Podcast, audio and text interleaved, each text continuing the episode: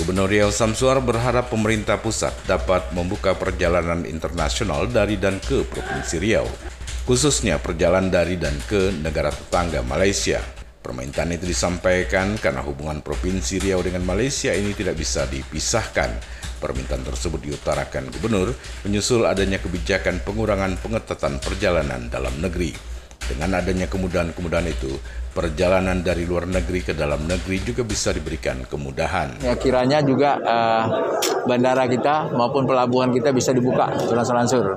Karena bagaimanapun ya Riau ini kan tidak bisa dipisahkan juga dengan Malaysia yang selalu uh, erat hubungannya, baik hubungan keluarga, hubungan persaudaraan maupun hubungan bisnis itu. Jadi maka tadi kami mohon Pak Kanwil kalau ini sudah ada nanti uh, kebijakan nasional, apalagi uh, kita kan mau melihat nih perkembangan sekarang kan sudah mulai uh, menurun ya pengetatan-pengetatan termasuk juga adanya perubahan nanti mungkin tidak pakai PCR, tidak pakai karantina lagi. Ya, jadi dengan beginilah berarti kemudahan-kemudahan untuk ke dari luar negeri ke dalam negeri ya juga diberikan kemudahan. Nah, tentunya kami harapkan juga Riau bisa mendapatkan peluang untuk itu sehingga nanti ini juga bagian untuk meningkatkan ekonomi yang ada di wilayah Riau. Sebelumnya, Satgas Penanganan COVID-19 menerbitkan surat edaran nomor 12 tahun 2022 tentang protokol kesehatan perjalanan luar negeri pada masa pandemi COVID-19.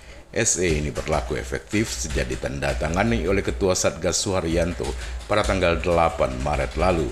SE ini berlaku efektif sejak ditandatangani oleh Ketua Satgas Suharyanto pada tanggal 8 Maret 2022. Prima Ermat, Tim Liputan Barabas melaporkan.